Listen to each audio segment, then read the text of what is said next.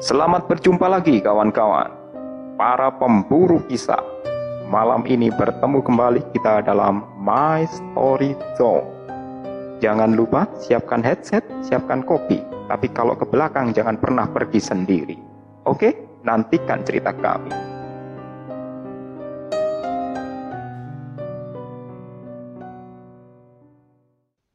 Halo sobat pemburu kisah, Assalamualaikum warahmatullahi wabarakatuh. Selamat datang di Mystery Zone bersama saya Pak Jack dan rekan saya Kang Surya. Uh, malam ini mungkin ada yang sedikit berbeda dengan kita Pak Jack ya. Ada ya, kita ada di sebelah tamu. kanan saya, betul.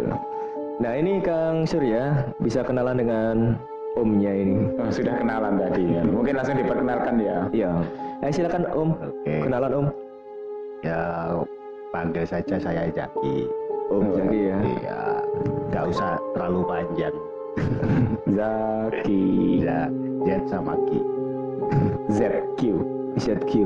Uh, ini banget kan Kang Surya saya mau nanya ini sebenarnya kisah apa sih yang mau ditampilin sama Om Zaki ini? Uh, kemarin kan kita sudah ngobrol-ngobrol. Kalau dari penampilannya sih Om Zaki kan memang ada beda ya dengan kita kita ya. Kita uh. sendiri sudah beda, Om Zaki tambah beda lagi ya.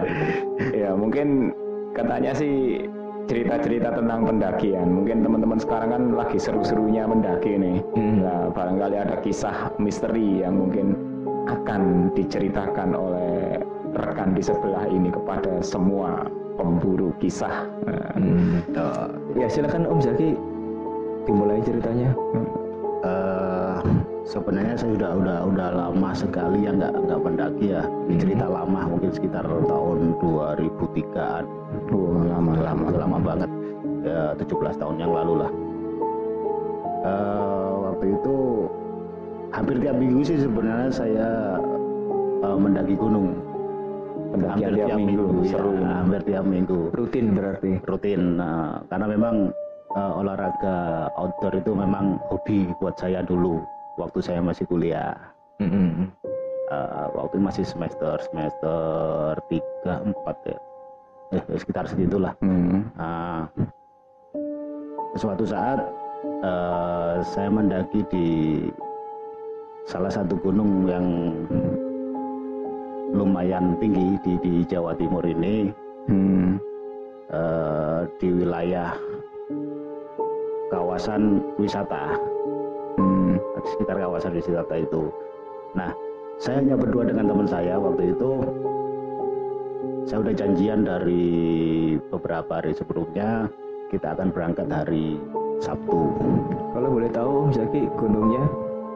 Uh, boleh disebut ya? Iya boleh, boleh. Oke, okay. silakan di Arjuno tepatnya. Oh, oh yang Gunung Arjuno. Nah, kita kan tahu kan kalau Arjuno itu istimewa. Memang istimewa sekali. Nah, baca cerita-cerita yang istimewa dalam arti khusus. ya. Mungkin teman-teman pendaki ya sudah sangat mengenal ya, mengenal ya. bagaimana istimewanya Gunung Arjuno. Hmm. Ya, Arjuno memang terkenal dengan apa ya?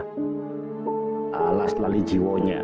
Hmm, alas lali jiwo ini kan banyak cerita di sana orang-orang yang tersesat kemudian hilang banyak sekali cerita di sana. Nah memang waktu itu saya sama teman saya memang tidak eh, berencana untuk puncak. Kita hanya sekedar camp uh, di tempat mana aja lah yang pokoknya kita bisa melihat ke bawah, kita menikmati pemandangan, kita lihat lampu-lampu di bawah itu dari dari gunung itu bagaimana, nah, sampai menikmati di panorama aja.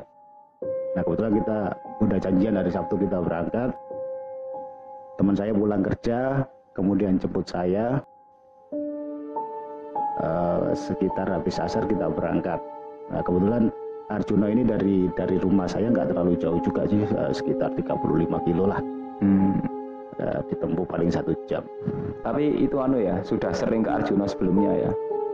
Atau baru pertama? Sangat sering. Oh, sangat sering berarti sudah merasa familiar ya. Kirain ya. pertama kali ke Arjuna. Oke, oke.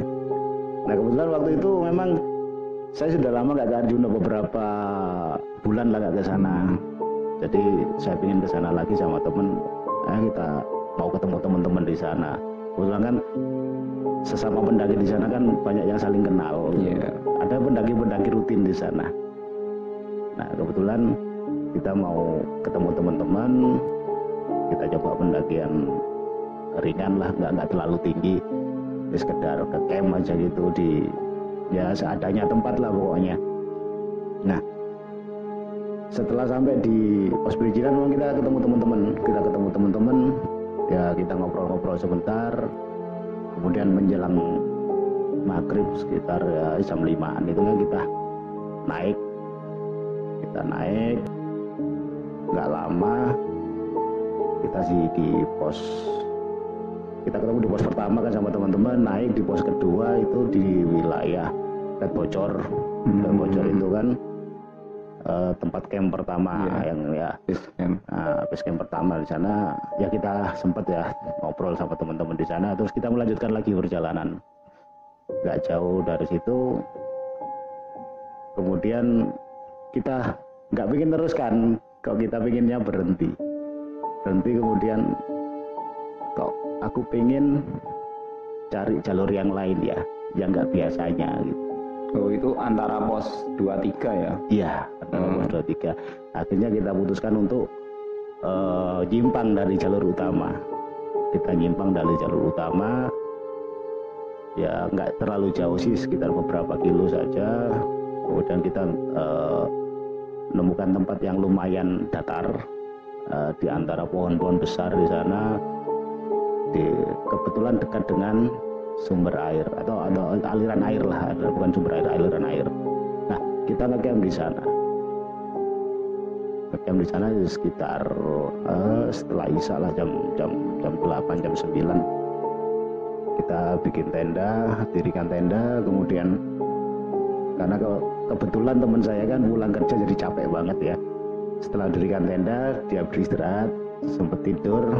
Saya nyiapkan kopi saya nyiapkan makanan uh, untuk kita berdua waktu itu. Kemudian uh, pas lagi masak teman saya sudah tidur malah sempat dengkur waktu itu hmm. jadi suara dengkurnya ya, ya nggak terlalu keras. nggak ada nggak ada apa pendaki lain kan ya jalur beda sudah. Ya nggak ada karena memang bukan bukan jalur pendakian sih sebenarnya ini kan. Situ tiba-tiba dari arah belakang tenda itu kedengaran ada suara orang jalan. Ada suara orang jalan makin dekat makin dekat. Terus kok pas di belakang tenda tiba-tiba kedengaran orangnya apa permisi dan logatnya itu adalah logat-logat Jakarta. Hmm. permisi bang dia bilang gitu. Oh ya enggak mangga silakan. Dari mana bang? Dia tidak menjawab. Kemudian dia lurus saja. Lurus. Kita sih melihat bayangannya tapi tidak jelas. Eh, laki-laki uh, berpakaian ya berbagai pendaki lengkap. Ya dia bawa carrier juga saya lihat itu dia turun sendirian sendirian waktu itu. Waktu itu saya nggak kepikiran ya nggak kepikiran kalau kalau ada orang yang lewat jalur ini gitu. wah sakti kayaknya orang ini mencari jalur sendiri. Ya saya lanjutkan masak kemudian. Uh, tiba kan setelah dia hilang uh, dan masakan masakan sudah selesai kopi juga sudah siap. Ya saya bangunkan teman saya nah ternyata teman saya ini tidak tidak sepenuhnya tidur. Dia masih mendengarkan ya, orang itu tadi masih sadar. Masih sadar ya. Nah setelah itu dia nanya sopo itu mang? Hmm, siapa itu tadi? Gitu kan ya. Dia orang lewat. Terus dia nanya mungkin gak sih kira-kira ini di jalur kayak gini ada orang lewat? Uh, saya bilang ya biar mungkin aja dia uh, memang memang cari jalur yang berbeda seperti kita. Seperti kita. Betul betul seperti itu. Nah lagi-lagi gitu nggak kita nggak ambil pusing waktu itu. Nah, oke setelah kita selesai makan kemudian kita ngopi sambil ngobrol-ngobrol menikmati rokok kita ya uh, sekitar hampir tengah malam sih gitu jam 11 jam 12 teman saya udah capek kan? Kemudian dia ingin beristirahat ya memang waktu itu sepi banget kok nggak ada cuma ya suara-suara binatang kecil itu ya kan seperti itu di hutan kan ya.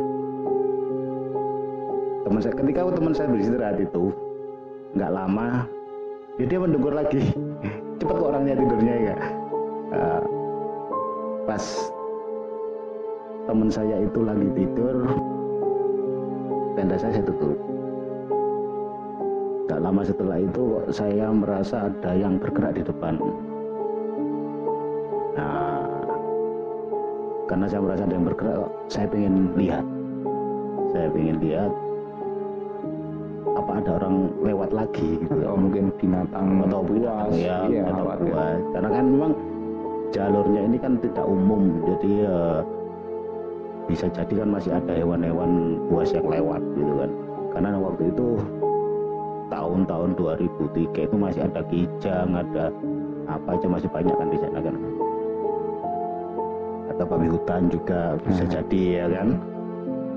Nah setelah saya buka tenda nggak nggak banyak, cuma sedikit saja saya tenda. Saya saya keluarkan Singkap, kepala gitu. ya, saya keluarkan kepala saya keluar.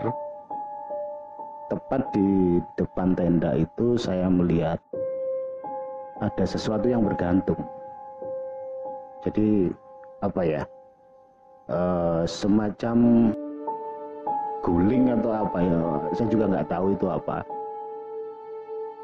Jadi warnanya putih dia bergantung. Kalau gantung itu kan biasanya uh, idealnya kan seperti ini ya. Tapi itu tidak sempurna. Ya kalau kita lihat kan seperti ini. Loh ini kan bergantung seperti ini. Nah, dia itu tidak sempurna, cuma setengahnya gini kemudian kembali lagi, setengahnya gini kemudian kembali lagi. Itu beneran guling. Nah, saya juga nggak tahu itu apa ya. Dan itu tepat di depan tenda kita, di pintu tenda kita. Tingginya? Ya, dia tidak kelihatan semuanya, cuma kelihatan sebagian aja. Gitu. Oh, di depan tenda persis. Nah, itu kan saya juga bingung, campur kaget. Kalau takut pun mau lari keluar juga nggak mungkin kan karena dia di depan tenda kita mm-hmm. ya kan akhirnya saya tutup lagi saya paksakan diri untuk tidur walaupun nggak bisa tidur sebenarnya. Ya kan? Akan tidur dan teman saya masih enak dengan tidurnya karena memang dia kecapean.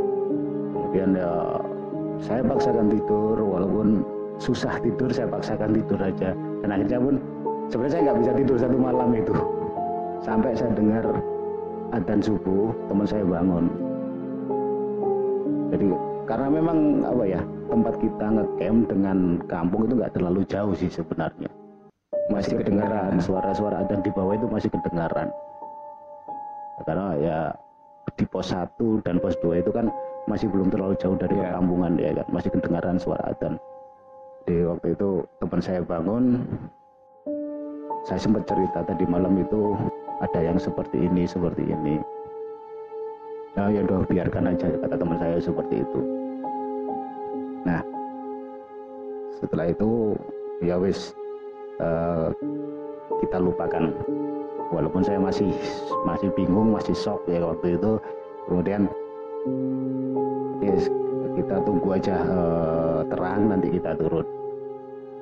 Kita nggak usah lanjutkan perjalanan kita turun aja lah. Oke kita turun uh, waktu itu sudah terang kita masih sempat sih mau bikin sarapan ngopi terus kemudian kita turun itu sampai minggu pagi itu ya? minggu pagi sudah minggu pagi. Minggu paginya kita turun sampai di pos pertama.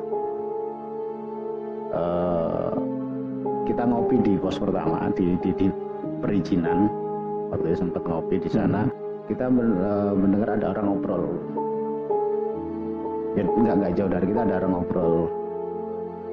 Ngobrol tentang ada salah satu pendaki. E, dua hari sebelum kami datang itu ada pendaki yang hilang. Kemudian diketemukan dalam keadaan meninggal. Nah yang bikin saya sedikit tertarik me, ikut apa ikut nimbrung dengan mereka adalah mereka ngomong kalau yang meninggal ini adalah mahasiswa dari Jakarta. Nah kemudian saya nimbrung, saya coba ngobrol dengan mereka. Eh, ini ciri-cirinya bagaimana orangnya Mas saya bilang gitu kan sama teman-teman yang di situ tingginya sekian ditemukan dalam kondisi yang seperti ini kemudian dia masih berpakaian lengkap seperti ya memang pendaki seperti itu kan. Dan ciri-cirinya itu kebetulan sama dengan uh, orang yang tadi malam kita temui. Jadi orang yang oh, yang permisi lewat itu, ya. nah, yang permisi ke kita tadi terus lewat. Nah ciri-cirinya sama persis dengan dengan orang yang lewat itu tadi. Kemudian saya tanya loh ditemukannya di mana di koordinat sekian. Kemudian saya buka peta buka GPS kita. Nah bukankah ini koordinat ini tempat kita ke camp kemarin? Tadi malam itu kita di sini gitu jadi kita kaget akhirnya. Berarti dua hari sebelumnya ditemukan ditemukan di situ. Iya di sekitar situ koordinat itu. Jadi ceritanya seperti itu. Ya kita sempat shock juga. Kita di di di atas kita sudah dikagetin dengan yang seperti itu dibawa dengan dengar cerita yang sepertinya kira-kira ya gimana ya? Shock juga ya gitu ya. Itu temannya itu sudah sering ke Arjuna juga ya partnernya itu? Kebetulan selalu sama saya bareng-bareng biasanya. Ya berarti bareng-bareng. double ini kejutannya. Tak pikir tadi mereka cerita-cerita ada hantu guling ternyata. Beda double ternyata double yang lewat juga hantu Ya, kalau ya, misalnya tahu juga sih. Ini uh, hantu guling ini apa apa ada hubungannya dengan itu apa enggak ya? Iya itu yang Atau mungkin uh, yang lain gitu loh. Jadi ikut nimbrung juga Wah, sekalian gitu. Ya. sekalian. Mumpung ada ya. double kill, double kill. ya, tapi gini loh Bang Surya. Uh, kalau misalnya pas kita pikiran kita nggak sampai ke arah sana kan kadang kita juga nggak nyadari juga gitu. Mungkin barangkali kita kan juga mungkin aja sih mungkin aja sering juga terjadi seperti itu. Ada orang lewat nyapa kita mungkin ya nggak tahu itu orang apa bukan kan juga. Ya betul. Apalagi kan di hutan ya istilahnya. Hmm. kita aja kalau lagi ke hutan ya kalau saya ini misalkan pergi ke hutan gitu sama teman-teman gitu terus ketemu orang itu bayangan kita langsung wah ketemu sesama gitu hmm. padahal belum tentu kan itu orang gitu kamu yakin oh, iya. nah ya, kamu yakin. yakin nah itu Ya betul Saya sih yakin, tapi nggak tahu dia yakin nggak kalau saya juga manusia. Nah, ya memang kejadian-kejadian seperti itu banyak terjadi ya kan di, di apalagi di gunung kan seperti itu. Iya. Ya walaupun kadang uh, ceritanya hampir sama sebenarnya, hampir sama. Uh, tiap tiap orang mengalami cerita. Ya walaupun mungkin apa ya sosoknya beda, tapi mungkin ceritanya hampir sama gitu. Hmm tapi yang ya yang saya agak merinding tadi ya hantu guling ini tadi. Kalau saya lebih merinding yang nyapa tadi sebenarnya sih. Wah ya, berarti sama-sama merindingnya berarti. Uh, uh, saya apalagi kalau misalnya kalau ani ah, ini kan, kalau misalnya ada orang lewat ya, hmm, terus dikejar, uh, misalnya lah, misalnya kemarin dikejar, terus ternyata lewatnya itu nggak lewat jalan gitu loh. Wah itu curang. Iya kecurang lah. Kalau kita ikuti kan bahaya itu. Iya iya. Ya ada juga yang seperti itu memang nah ya, ya, ya kan? sepertinya nanti malam saya bakalan lempar guling dulu deh sama bantal saja iya uh, cukup itu tadi ceritanya Om Zaki ya apa masih ada lagi cukup seperti itu setelah itu kan saya pulang hmm. kita kita coba lupakan karena kita nggak kepingin kepikiran yang aneh-aneh lah. Uh, terus habis itu pulang wis nggak nggak naik lagi. Lah ya lupakan. Ya tetap naik. Tapi jangka waktu yang masih lama lagi ya? Atau mungkin? Ya masih rutin. Oh masih rutin. Sampai saya terakhir eh, menaik gunung ya 2005an itu. Hmm. Setelah itu ya saya udah mulai mengurangi intensitas. Kemudian sampai di 2008 lagi. Iya iya. Wah serem juga ini. Saya masih kepikiran guling ini tadi loh. Oke, sobat Misteri Zone, sobat Tombur Kisah, jangan sampai kepikiran guling ya. Oke, sekian dulu fragmen dari kami. Jangan lupa Ikuti terus fragmen-fragmen kami selanjutnya dan terima kasih telah mendengarkan fragmen dari kami, Misteri Zone. Terima kasih juga yang sudah berbagi kisah dengan kita ya mungkin. Iya, Semoga lain kali nanti ada kisah-kisah lain tentang pendakian, kita tentu akan bersenang hati ya. Kayaknya sih Om Zaki ini punya banyak cerita ini. Ya, kemarin sudah cerita-cerita kok kita. Iya. Banyak. Makanya ini yang diceritakan ini yang beberapa dulu katanya, Pak. Istimewa. ya. Ya. Oke sobat, sampai jumpa di fragmen selanjutnya. Bye bye. Assalamualaikum warahmatullahi wabarakatuh. Waalaikumsalam warahmatullahi